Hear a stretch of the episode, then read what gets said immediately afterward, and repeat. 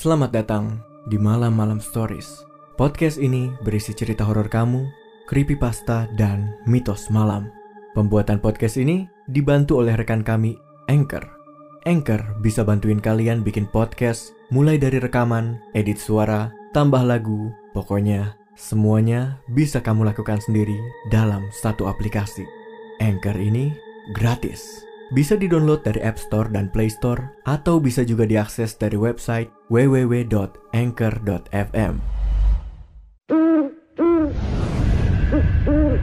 Malam-malam stories.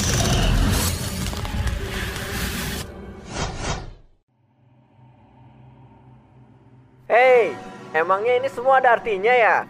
Denny sengaja berteriak cukup kencang agar suaranya bisa didengar oleh pemandu tur.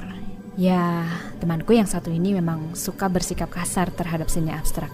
Dia selalu mengeluh tentang seni abstrak yang hanya terlihat seperti tumpukan omong kosong. Dan khususnya hari ini, dia sangat marah karena kami harus pergi mengunjungi museum seni abstrak. Ayo Lana, kamu apain ke si Dennis biar dia diem? Lah, kenapa harus aku sih?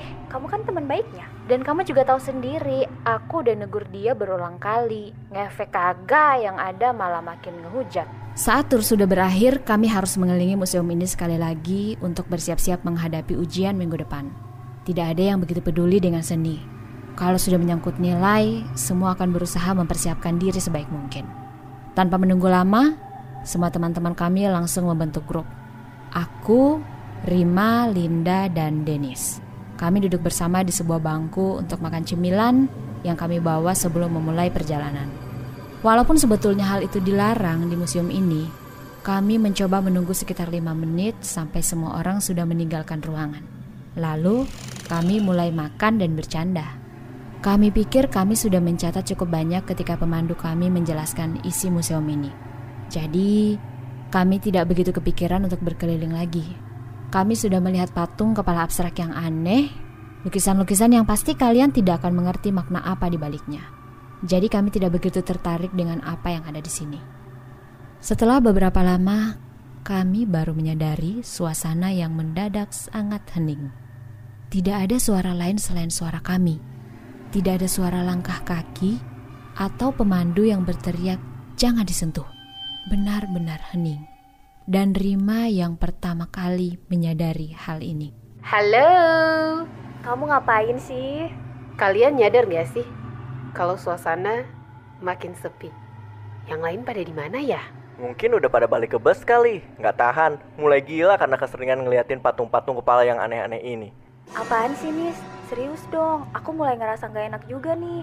Kayaknya kita harus cari Pak Rian atau Ibu Ana dulu deh. Atau guru siapa gitu yang tadi ikut tur ini. Setuju.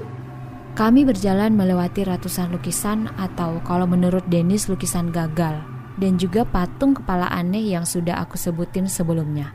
Kepala-kepala patung ini terlihat lebih aneh dari sebelumnya. Mungkin karena aku nggak terlalu memperhatikan saat sesi tur tadi. Rima juga mengatakan hal yang sama. Perasaan aku aja apa gimana ya? Kok patung-patung kepala ini kelihatan lebih aneh dari sebelumnya? Kayak nggak ada kehidupan lagi di dalamnya. Duh, kok berasa serem gini ya? Rima benar. Aku juga memikirkan hal yang sama. Seakan-akan jiwa mereka baru saja diambil dan keberadaan mereka di bumi ini menghilang. Karena Linda semakin takut dan juga kami masih belum menemukan satu orang pun setelah mencari selama 10 menit, kami memutuskan untuk tetap berjalan. Anehnya, kami seperti kembali ke titik awal. Jam baru menunjukkan pukul 2 siang. Masih ada satu setengah jam sebelum kami harus kembali ke bis. Tapi kami memutuskan untuk kembali saja. Seharusnya ada tangga menuju lantai bawah tepat di samping ruangan di mana kami bersantai. Tapi kami tidak bisa menemukannya. Yang ada di situ malah sebuah ruangan kosong yang hanya diisi oleh empat buah cermin.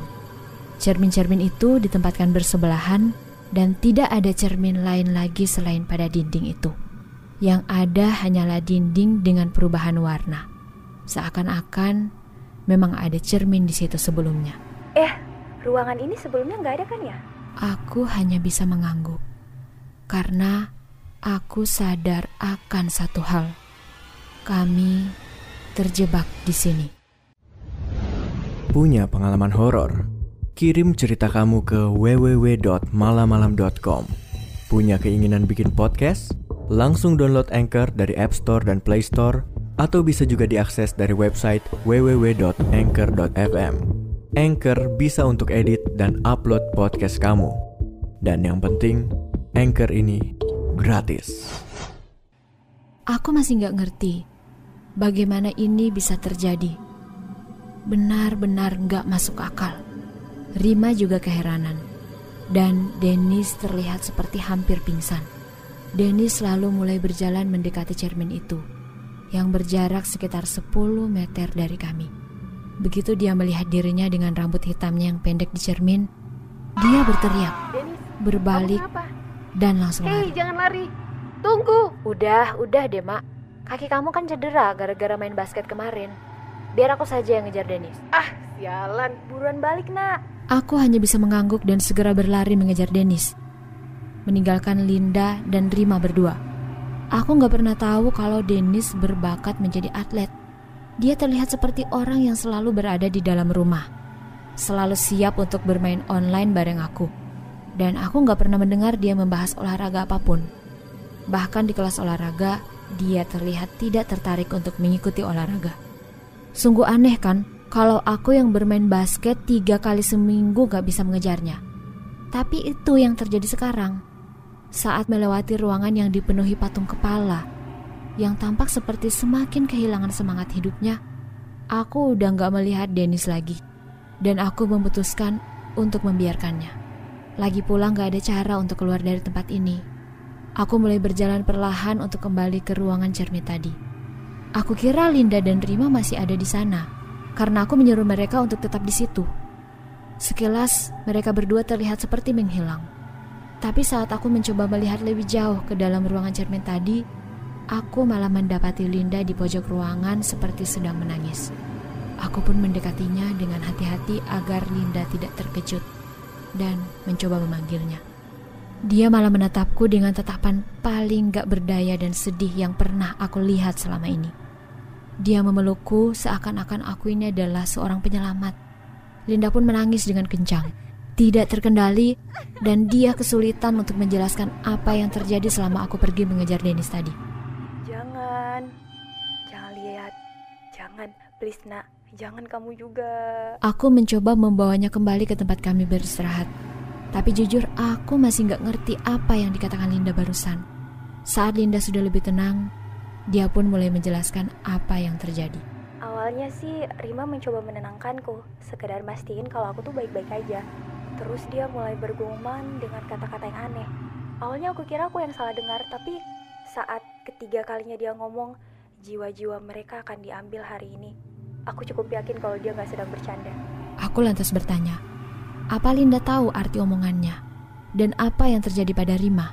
Perubahan warna di tembok itu adalah cermin dari teman-teman kita. Cerminnya hilang karena jiwa mereka juga hilang. Aku nggak tahu ke mana mereka menghilang. Begitu juga dengan Rima. Dia berjalan ke salah satu cermin dan berteriak. Saat itu juga aku langsung menutup mataku. Dan setelah itu, aku nggak melihat Rima lagi, nah. Apa kamu ngelihat atau mungkin dengerin Dennis lewat? Aku tetap bertanya. Walaupun jujur, aku sudah tahu jawabannya pasti tidak. Linda terlihat jelas sangat kelelahan. Begitu juga denganku. Padahal waktu masih menunjukkan pukul 2 siang. Tiba-tiba, aku menyadari sesuatu.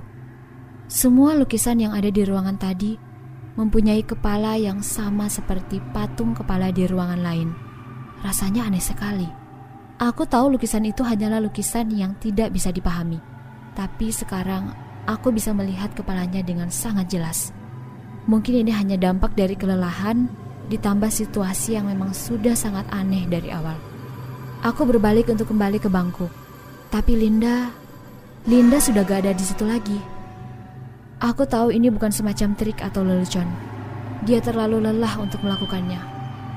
Perlahan, aku mulai berjalan ke arah ruangan cermin. Dan hanya ada satu cermin yang tersisa. Tanganku mulai berkeringat. Tubuhku mulai gemetaran dan tiba-tiba aku mendengar suara dari dalam kepalaku. Suara Linda yang sangat tenang. Yana, pergi dan coba lihat. Kamu pasti bakal terbebas. Tanpa aku sadari, aku mulai berjalan mendekati cermin terakhir dan melihatnya. Wajah yang kulihat bukanlah wajah seorang gadis yang dipenuhi semangat, tapi seorang gadis yang hidupnya baru saja berakhir. Mata tanpa cahaya kehidupan. Saat aku melihatnya, segenap kekuatan yang tersisa di tubuhku menghilang, dan aku tergeletak di lantai. Jiwaku terhisap.